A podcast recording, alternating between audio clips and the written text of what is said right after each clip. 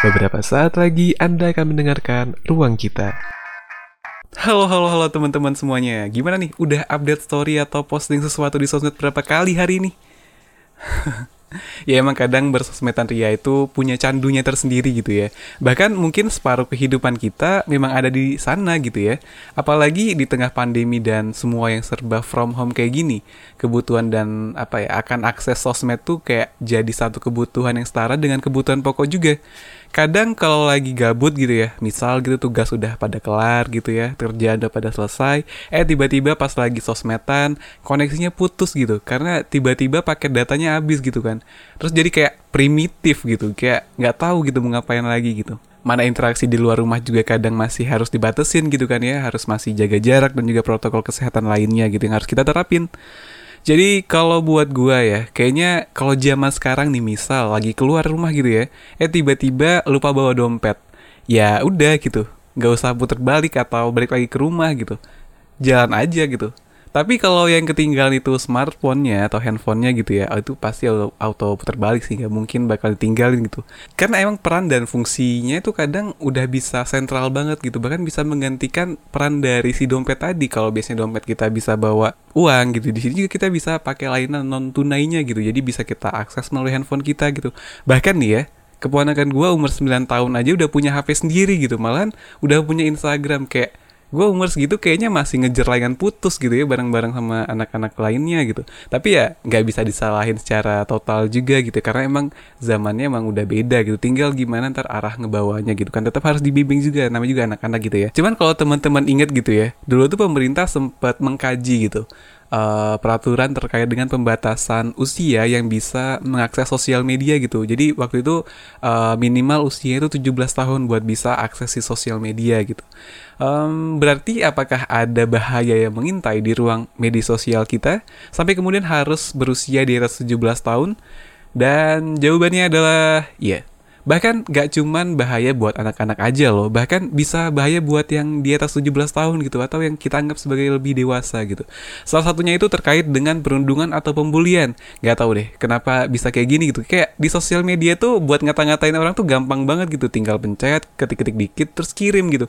Kadang gak mikir panjang gitu, apa sih impactnya buat si orang ini gitu. Bisa aja depresi gitu kan, yang bisa aja jadi kepikiran di dunia nyatanya, kehidupan sehari-harinya terganggu gitu kan ya. Selain itu juga terkait dengan perselisihan atau cekcok gitu ya, debat kusir, head speech, itu juga jadi satu kesatuan yang nggak sulit buat kita temuin gitu di sosial media kita gitu. Bahkan kalau dilansir dari kompas.com, awal bulan Maret lalu ya, 2020 ini, sampai ada yang berujung maut gitu. Jadi abis cekcok nih di sosial media gitu ya, mereka ketemuan gitu, COD-an gitu ya. Terus terjadi tuh perkelahian, bahkan sampai salah satunya meregang nyawa loh. Ngeri banget nggak tuh? Cuman gara-gara cekcok di sosial media gitu. Jadi emang butuh kedewasaan gitu buat buat kemudian bersosial media ini bisa lebih apa ya lebih lebih dewasa gitu ya dewasa itu sesungguhnya gitu ya dewasa nggak cuma soal terkait dengan usia gitu ya meskipun memang biasanya yang usianya lebih tinggi atau lebih tua gitu biasanya memang diiringi dengan kedewasaan kalau teman-teman ingat juga tahun itu Microsoft melansir hasil survei mereka terkait dengan etika atau sopan santun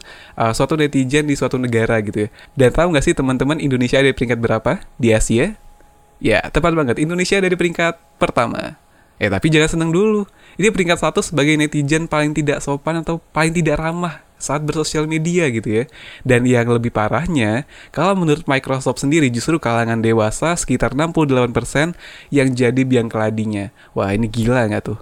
Itu udah kayak kontradiktif banget gak sih? Ingat gak sih dulu Indonesia terkenal dengan masyarakatnya yang ramah, sopan santun gitu. Kalau ada tamu atau turis juga disambut dengan humble gitu ya. Humble juga uh, kesama sesama masyarakatnya gitu ya dan budaya kita gotong royong dan kayak kayak kontras banget gitu. Tapi kenapa kemudian pas main sosmed malahan jadi kayak gini gitu kan kayak apa ya bahasa halusnya? Meresahkan kali ya. Sebenarnya hal ini juga udah jadi perhatian pemerintah juga sampai kemudian akhirnya hadirlah UU ITE untuk kemudian mengcover lagi untuk bisa melindungi warga negara kita yang kemudian akan bersosial mediaan karena memang sosmed udah jadi bagian dari tata kehidupan kita. Yang mirisnya adalah kalau teman-teman ya harusnya harusnya tahu ya, harusnya ingat juga.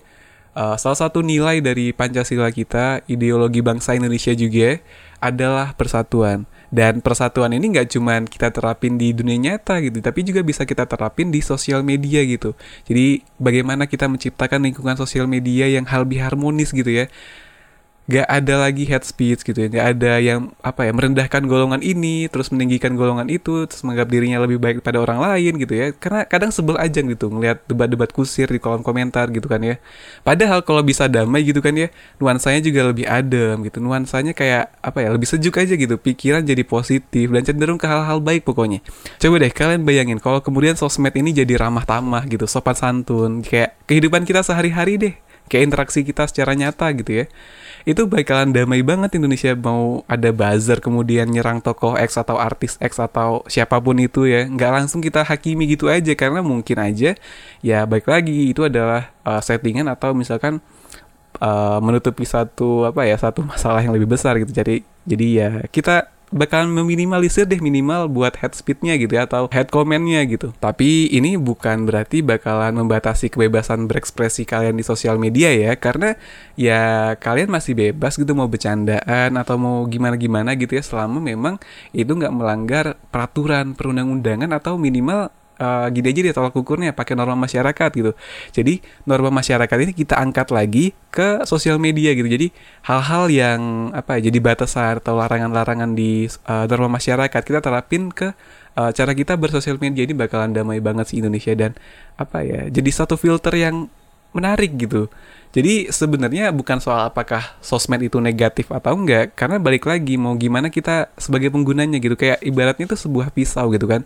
Tinggal mau gimana gunainnya buat apa. Karena itu bisa aja jadi positif gitu selama kita memang uh, menggunakannya ke arah hal-hal yang lebih positif gitu. Bahkan gak jarang juga yang suka debat atau head comment di postingan orang lain itu pakai fake account biasa. Jadi ya marilah kita menjadi contoh yang baik gitu buat anak-anak untuk gimana caranya gitu bersosial media dengan bijak dengan dewasa yang sesungguhnya gitu. Ya Semoga aja di hari lahirnya Pancasila kemarin, di 1 Juni kemarin, jadi titik balik buat netizen-netizen yang ada di Indonesia ini, buat kemudian membawa nilai-nilai luhur kita, nilai-nilai Pancasila di kehidupan nyatanya, dan yang pasti juga di kehidupan di dunia mayanya juga. Karena itu udah jadi bagian yang apa ya tidak terpisahkan dari kehidupan kita saat ini. Saya Benny, adios.